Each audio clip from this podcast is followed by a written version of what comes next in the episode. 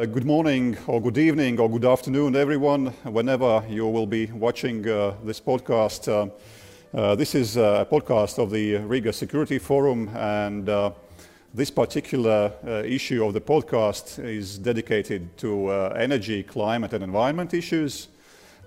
we could say there's a broad spectrum of questions related to all these issues. I'd say it would certainly not be enough with one podcast, but um, uh, given the uh, expertise of the people that we have in the studio uh, in Riga and also in, in Poland, uh, I hope that we will still manage to cover uh, at least some of the main and most interesting issues that are on the table for EU decision makers, policy makers, also analysts, not only policy analysts, but specifically energy analysts and climate analysts and experts. So uh, let me uh, uh, welcome the participants of this discussion. Uh, uh, Deputy Minister Adam Giburze Chetvertinsky from Poland, uh, Andris Kužnieks from Riga. He is the acting head of the representation of the European Commission uh, uh, to Latvia. Uh, myself, energy expert, also researcher at the Riga Technical University, uh, Reinis Aboltiņš. so let us begin. And um, please allow me to begin with one short, well, warm-up question uh, which I would like to address to both of you. Probably Adam would, I would like uh, Adam to start, but um, in your opinion, uh, are issues related to climate change more of a challenge or more of, a, more of an opportunity?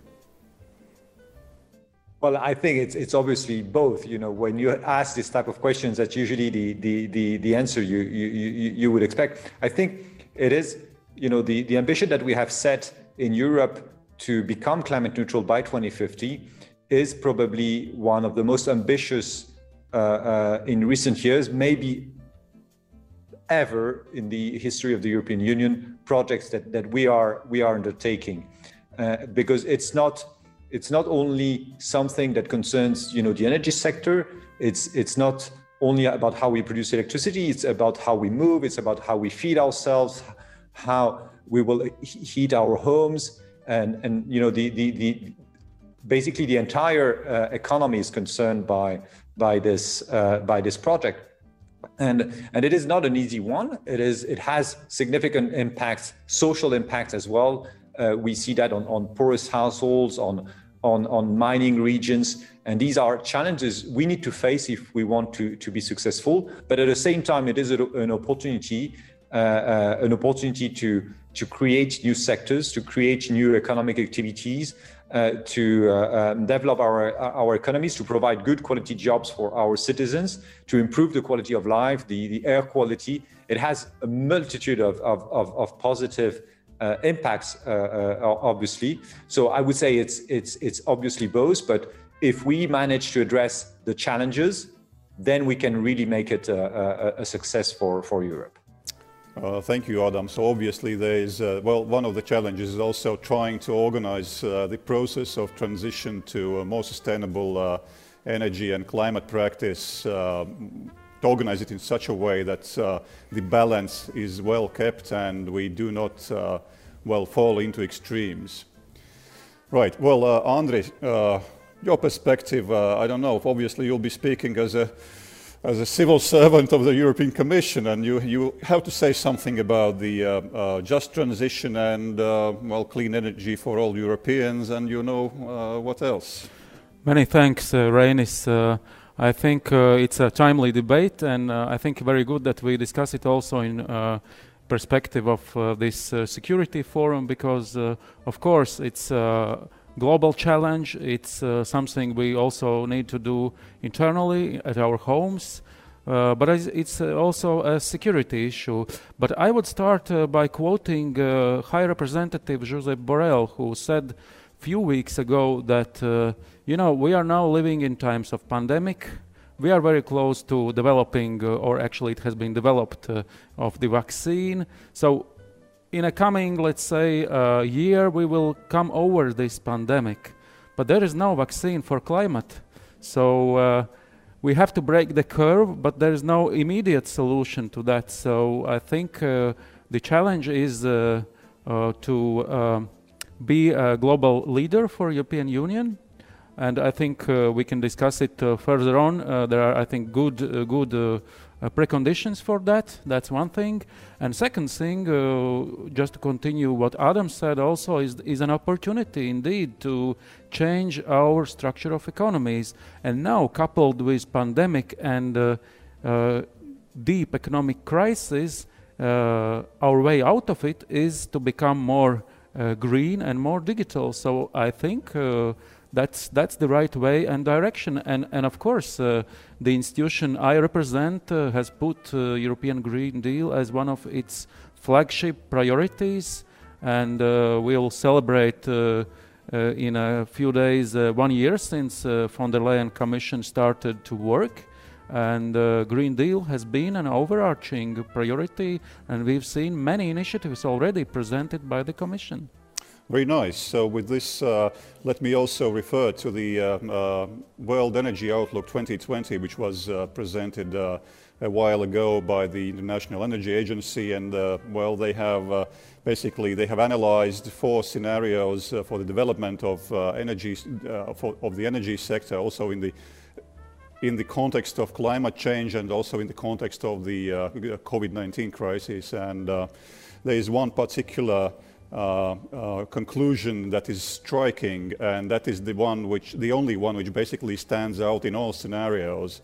Uh, these, uh, well, and the conclusion is that this crisis, COVID-19 crisis, and the current situation as we see it, is basically highlights the the end of the coal era and the structural collapse of coal economy. And I am aware that for uh, a number of countries in the Euro European Union, um, not least Poland, of course, but also Germany to a certain extent and some others, uh, this might uh, constitute a big challenge. And uh, well, we can say on one hand we have climate change and COVID-19. On the other hand, we there's uh, as much as we can afford uh, changing very rapidly without risking uh, social, negative social, socio-economic consequences. But um, still, climate change, unfortunately, there, as uh, Andris rightly uh, pointed out, and there is no vaccine against that. But uh, I'll, I'll, swiftly move to the next question then. So what do you think? to what extent is the climate change as such, is it a trigger to the need to welcome changes in the energy sector? Adam, please. Well, you, what, what you said about, about, about coal is, is, is very true in the sense that um, um, it is facing uh, uh, structural challenges with the, um, with the climate policy that we are, that we are um, willing to conduct. But at the same time, if I, if I take, you know, I don't want to speak for the member states, but if I take my, my, my, my case in, in, in Poland, we, we have a, an energy system um, that is um, composed of quite old installations already. So we have today to take investment decisions, uh, taking into account our climate uh, objectives, obviously the need to provide uh, affordable, uh, secure e energy supply to our economy, to our society. But we, we have to take into account all these all these uh, uh, concerns to take these these investments decision. And um, as uh, as uh, as coal was um, an available uh, resource in the past and and and, and was used extensively. I mean, the circumstances are are are obviously different today. It is true that this comes with um, with huge challenge and challenges that are very much concentrated in a few regions. And I think it is a, um, a difficulty that we had in the in the in the past in the EU when we ha- were having this, this this discussion about climate policy, whether it's a, an opportunity or, or or not.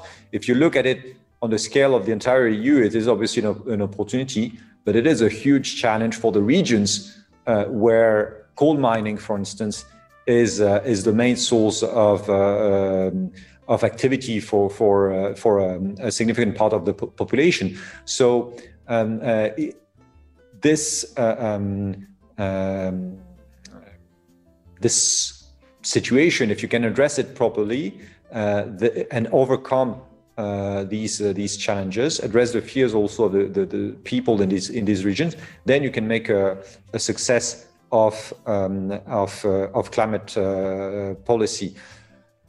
Whether the the, the trigger is is is climate change policy per se, I'm not so sure. As I said, we are today at a point in Poland, at least, where we have to take that that investment decision how do we want to shape our energy system for the future?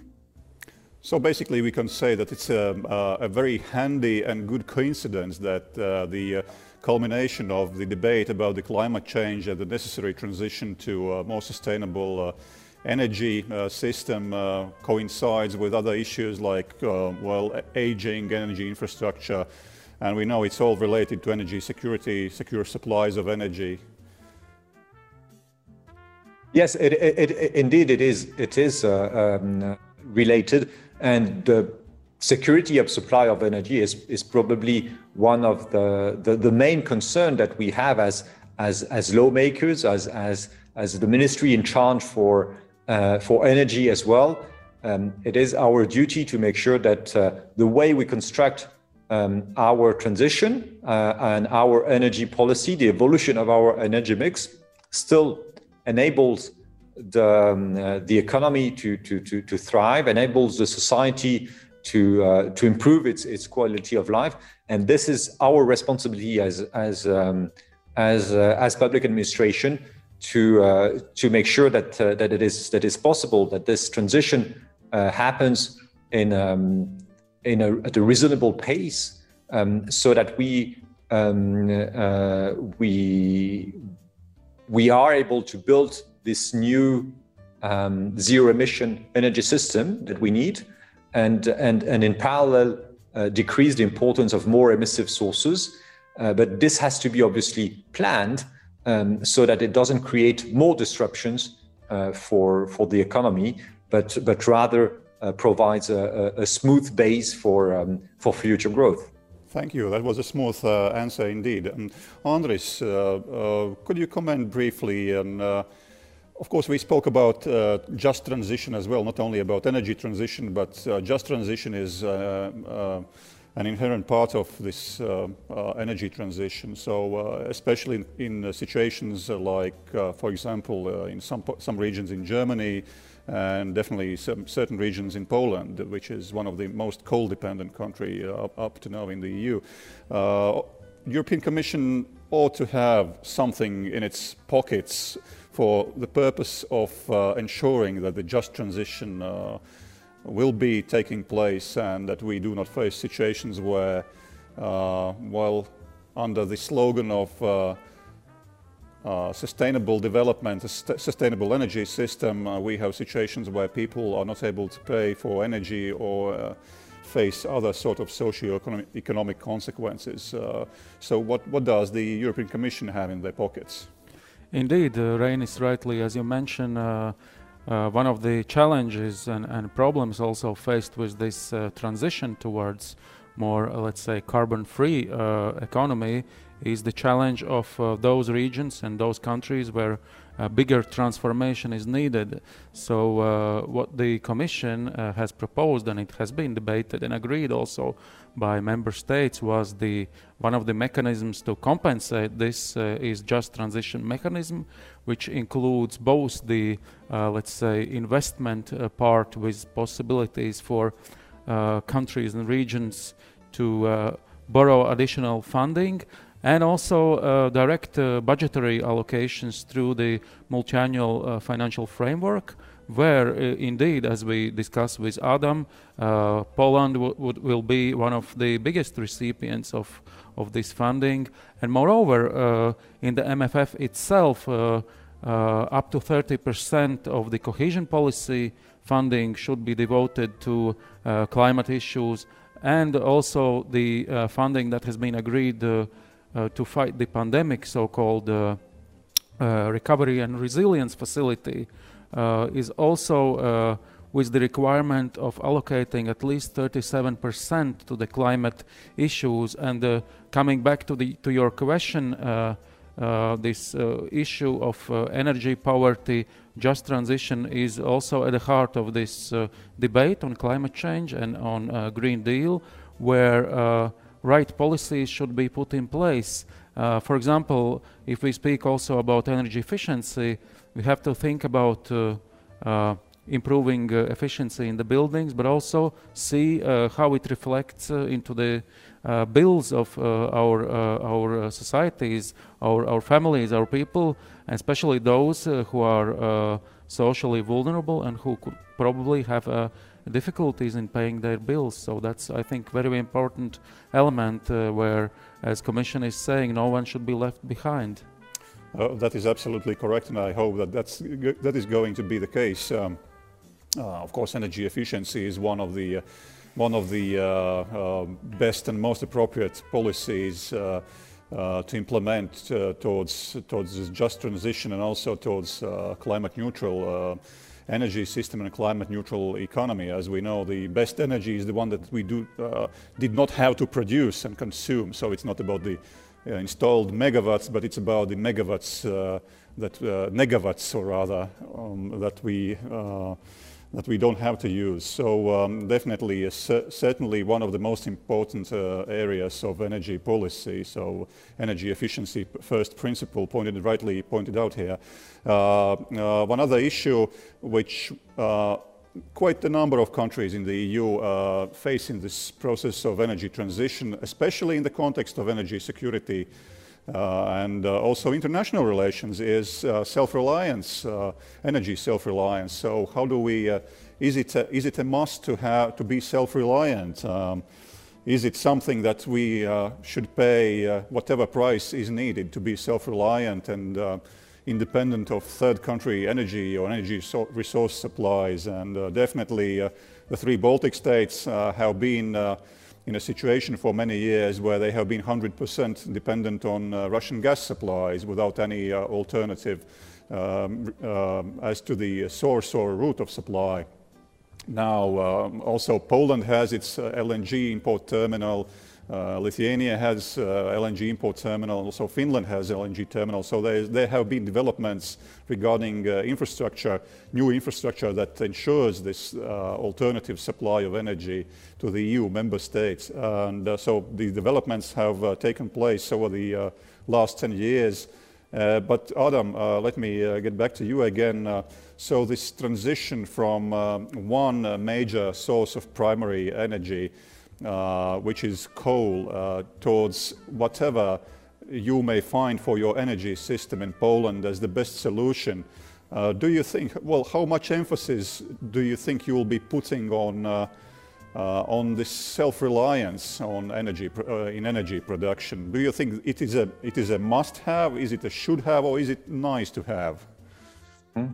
Well, you know, many, many, many things in your, in your, in your questions um, there is. Uh, I think no, no. First, first um, uh, thing that is obvious for us here in Central and Eastern Europe, with the the experience that that, that we've had, and um, I mean, you've had certainly your experience in, in, in Latvia. I remember myself also as a as a as as a kid, winters when when when gas was used as a political weapon, uh, um, and and you know we know perfectly um, that this is this is how it is it is uh, it is being used. And there as you pointed out the the diversification um, policy that we implemented in, in Poland but we were not the only ones but we implemented that uh, consequently developing this this LNG terminal developing also the the, the, the Baltic pipe connecting us directly to the Norwegian uh, fields uh, uh, with the support of um, of, uh, uh, of European Instrument as well, the Connecting Europe facility, uh, are key steps to, to ensure diversity of supply of, of, of this um, of natural gas and, and therefore a more reliable energy system as well. Um, in in in in the context of um, of our um, responsibilities I was saying earlier as a, as a ministry uh, in charge of energy, uh, obviously energy security is a, a major point of um, uh, of concern in, in in all the policies that we shape. Um, we we want to make sure that we are able to provide the energy that will be needed for our country to, to function properly, for the economy, for the, the, the, the people in, the, in their houses just to, to, um, uh, to, uh, to, to function. And, and we can do that, you know, using different, um, different systems, uh, different sources. Diversification is a part, is a way to, to, to provide uh, uh, more security. Uh, but um, but it's not the only way. If you rely obviously on a on a on a, um, a natural resources you have at home, as as we we have done in the in the past with with coal. Uh, it's possible, but you can do something similar with with renewable energy if you are able as well to to secure um, um, the the supply of energy when when when renewable energy is not uh, is not uh, when there is not enough wind or not enough sun to to uh, to to supply the energy you need, and that you can do with energy storage. Maybe you can. We we think we can do that also with uh, with nuclear energy in, in in in our case. So there are many answers how you can provide that uh, that uh, that security. Um, it's it's it, but it's important that um, that you have um, a diversity of, uh, uh, of, uh, of, sources to, to address it. To some extent, um, you can, as I said, you, we can use also renewables, and, and, and they are available.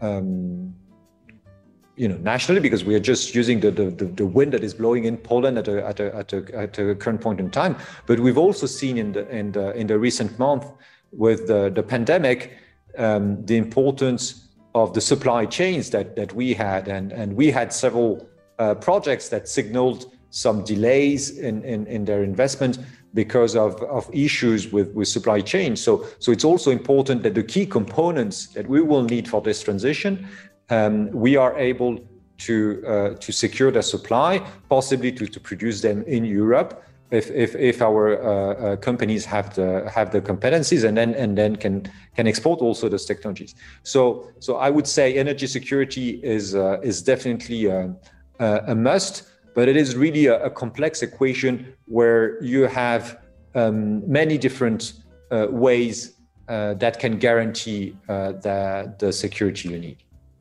Thank you, Adam. Uh, Andris, uh, from the perspective of the, of the European Union, uh, where would you slot this uh, issue? Uh, must have, should have, nice to have. Also, probably in the context of, uh, of, global energy markets and energy, energy relations. Well, if we look at the issue, you touched briefly on the Baltic states as an energy island. I recall my personal experience. I think we have come a long way I remember very well in 2009 when uh, European uh, energy ministers were uh, kept like hostages in the fight between uh, Gazprom and Naftogaz. And I personally was in the room in the council because I was working in Ministry of Economics, where we saw that fight between the the um, uh, gas enterprises, and uh, in a way we were to a certain extent. Um, let's say hopeless uh, at that moment. And if we look uh, what has been achieved over the course of uh, those let's say 11 12 years also when we look at for example the uh, uh, gas uh, let's say market and gas system in baltic states it's it's it's like an ages have passed because we were solely dependent on one supplier. We had monopoly. Uh, we had uh, our, let's say, strategic infrastructure owned by somebody else, let's say like this. And now we have changed all this. So I think it's, a, it's a very good example on how also with the help of uh, common European uh, effort, we can achieve very good results. And of course, uh, what Adam also mentioned and started to, to say about this strategic autonomy, it's a, it's a clear challenge, and also pandemic showed that uh, that uh, we uh, have been reliant on these global value chains, and we have to see where we can we can probably break that and where we can and need to, to establish this uh, uh, strategic autonomy. Also, when we look at this, uh, let's say, transition of the industry, okay, we will substitute probably our fossil fuels with let's say more sustainable fuels, more sustainable energy production, also in terms of, of end users. But then we have to look at those materials, for example, on how we produce uh, batteries uh, or where we purchase them. And there, I think there are very good initiatives. For example, the European Battery Alliance, uh, with the with the from the Commission side, the Vice President Šefčovič uh, at the helm. I think it's a very good example on where we should be moving uh, in terms of also looking uh, for in the future how we will, let's say, survive in, in this new reality. Uh, that is correct. Also, it's interesting that well, innovation and research and and, uh, and development and uh, innovation is uh, those are some key uh, key uh, words in the future development of the energy system, definitely. But um, getting jumping back briefly to the issue of energy security and self-reliance, we, of course, as EU members understand quite well that uh, in practice, and, uh, well, self-sufficient uh, self-sufficient energy production uh, would uh, definitely uh, result in high price energy prices for all domestic consumers. So therefore, we have developed this regional approach to solving energy issues. And um, Baltic states is one example, but also cooperation uh, Uh, of, of, the three Baltic states uh, uh, with Poland definitely and uh, Polish interaction with uh, with the with the Scandinavian countries in terms of of interconnections, gas interconnections and electricity interconnections. so there's plenty of electricity and gas flowing. Uh, between uh, uh, Norway, Sweden, and, and Poland.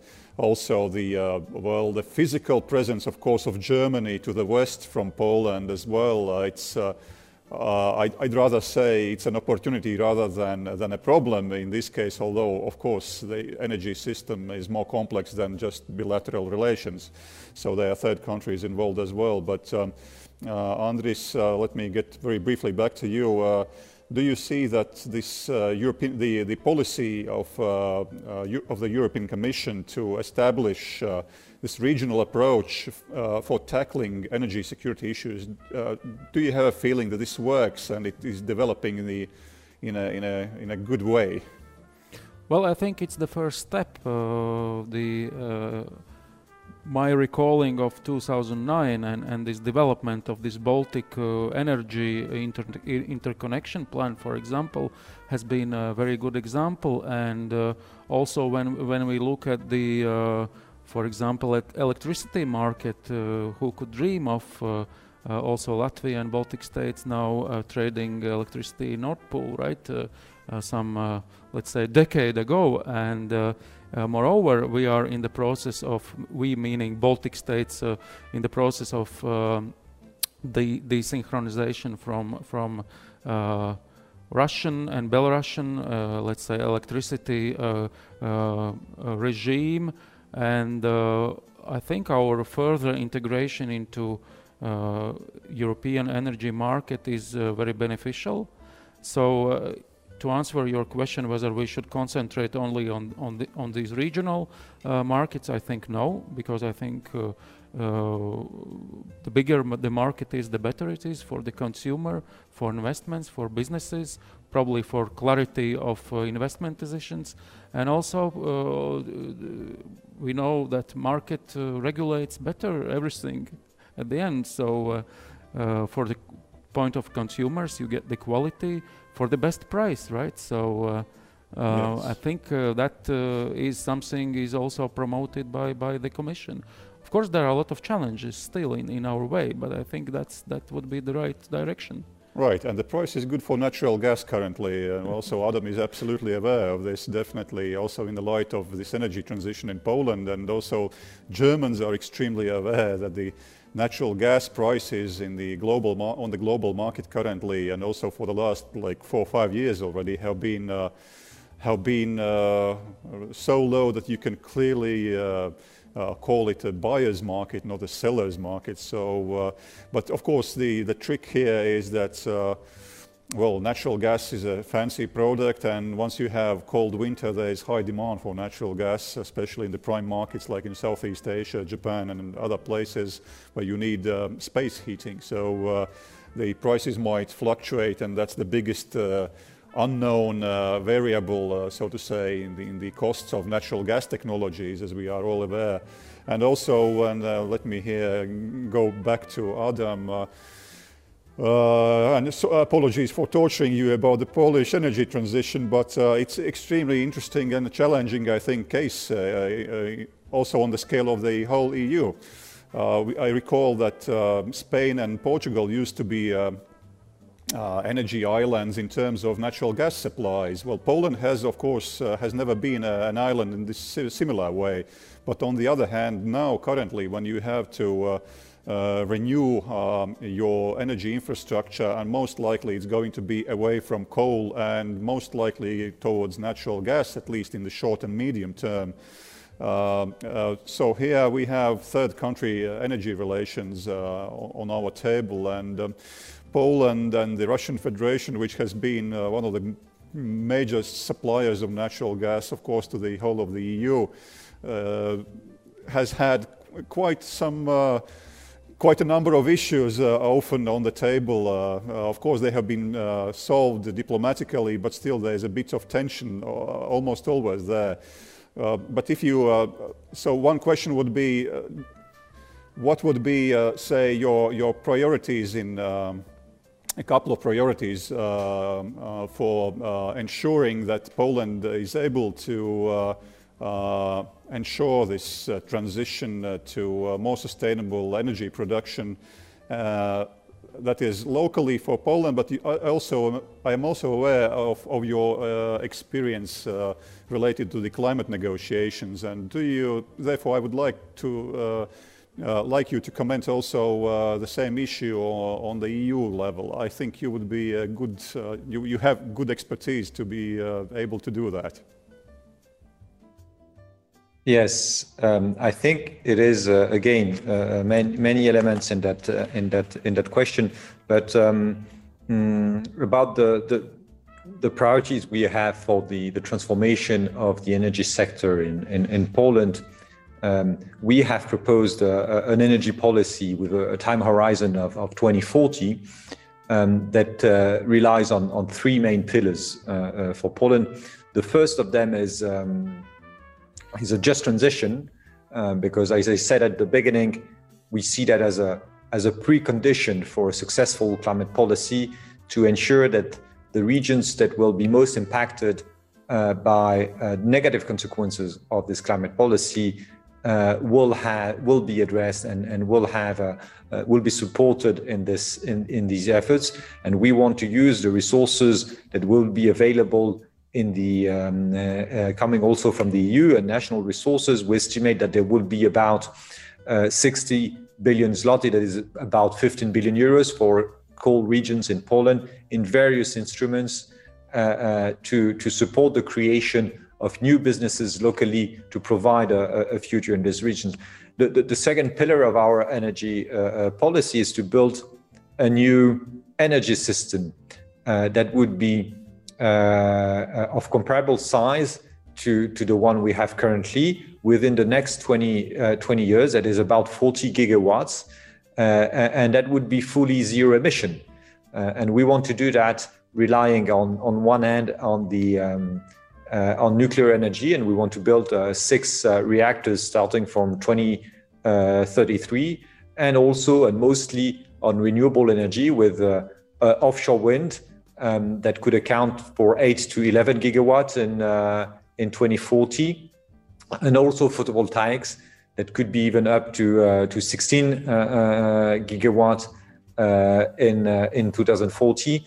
Um, and and and also obviously onshore onshore wind and, and a little bit also we don't have a huge potential but a little bit of uh, of hydropower in that and and and we think that once that that system will be will be finished it, it will be um, it will be functional.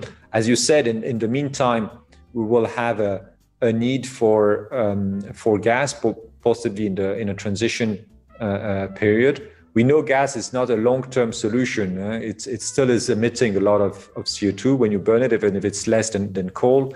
So we're also looking into ways to decarbonize that gas with with biogas, with uh, with the production of hydrogen in processes that will not generate um, greenhouse gases emissions.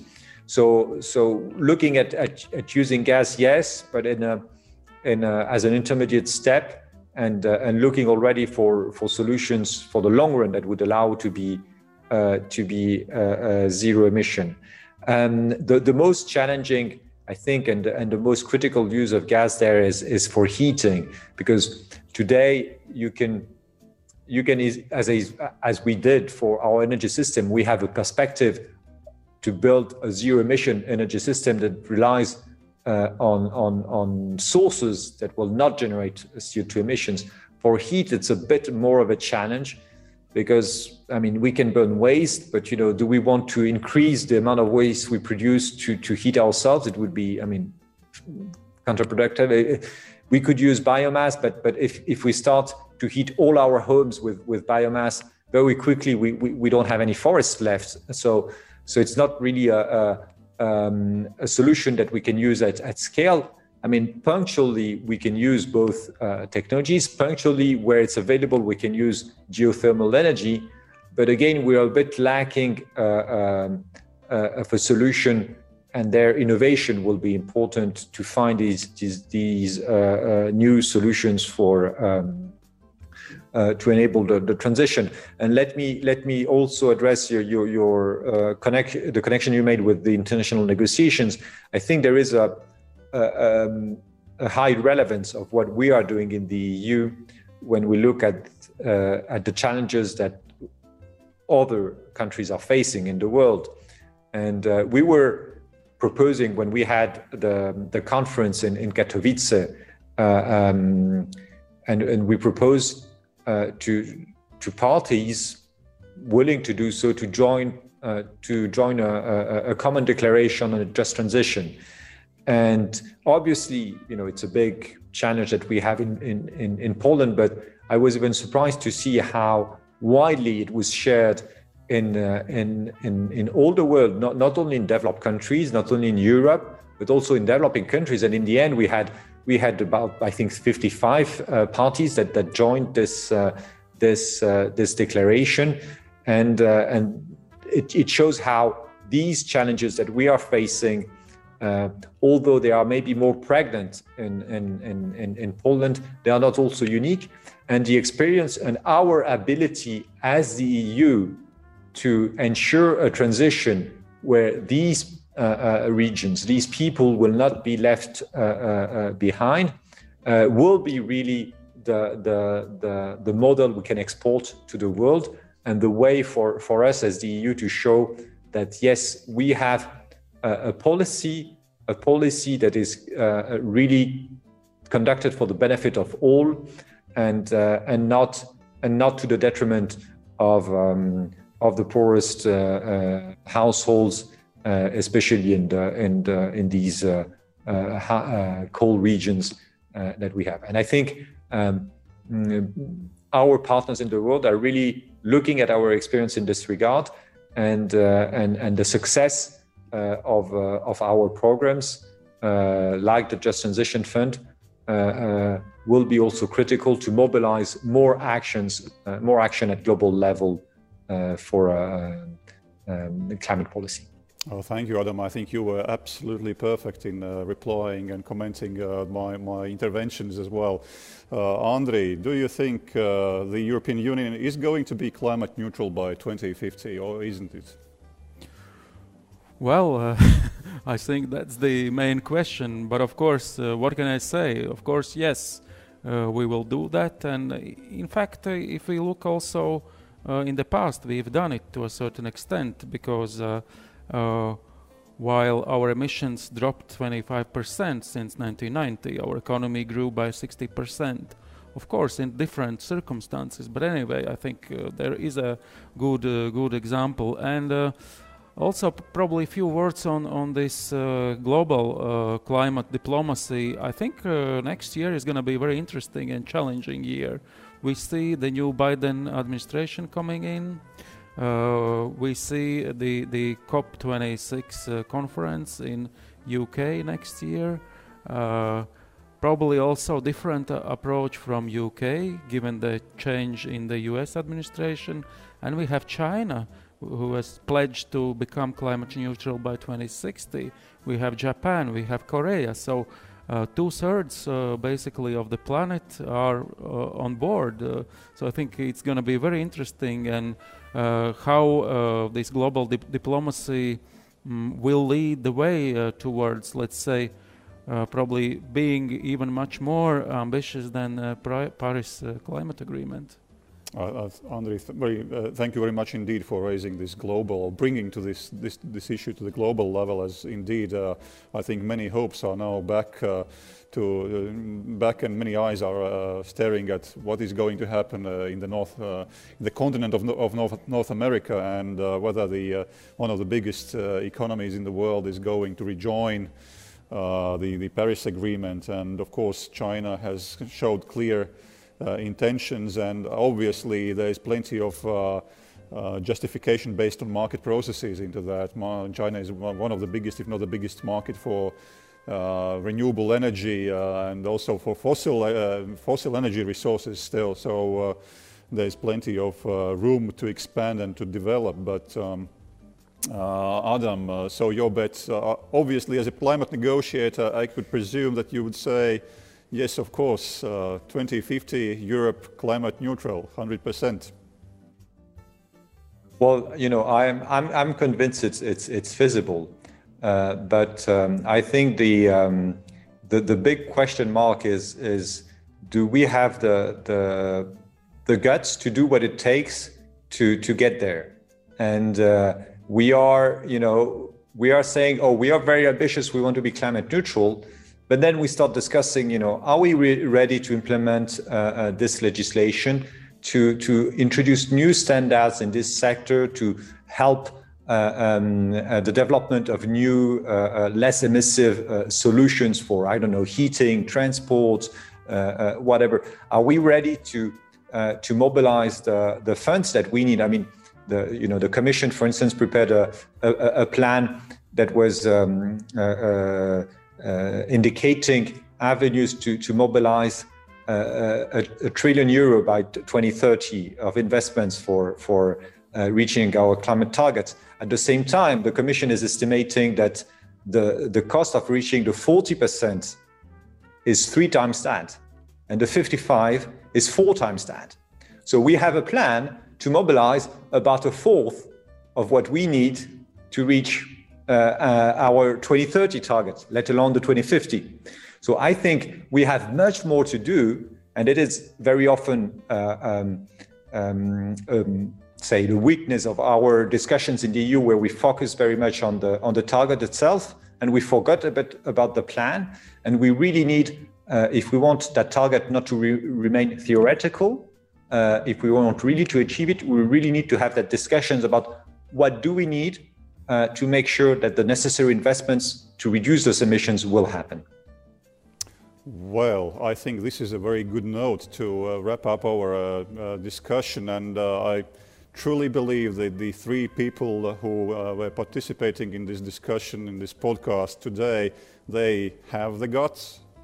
let's hope that the politicians will also have the guts and that they will have the guts also a year or shortly before uh, general elections in our respective countries, and they're not going to uh, uh, jump back into the old shoes, and uh, they'll keep looking forward and uh, towards this um, energy transition, of course, with the precondition that it's a just transition, as correctly noted by, by Adam a number of times, and also by Andris and by myself as well. I admit it's uh, an extremely important point.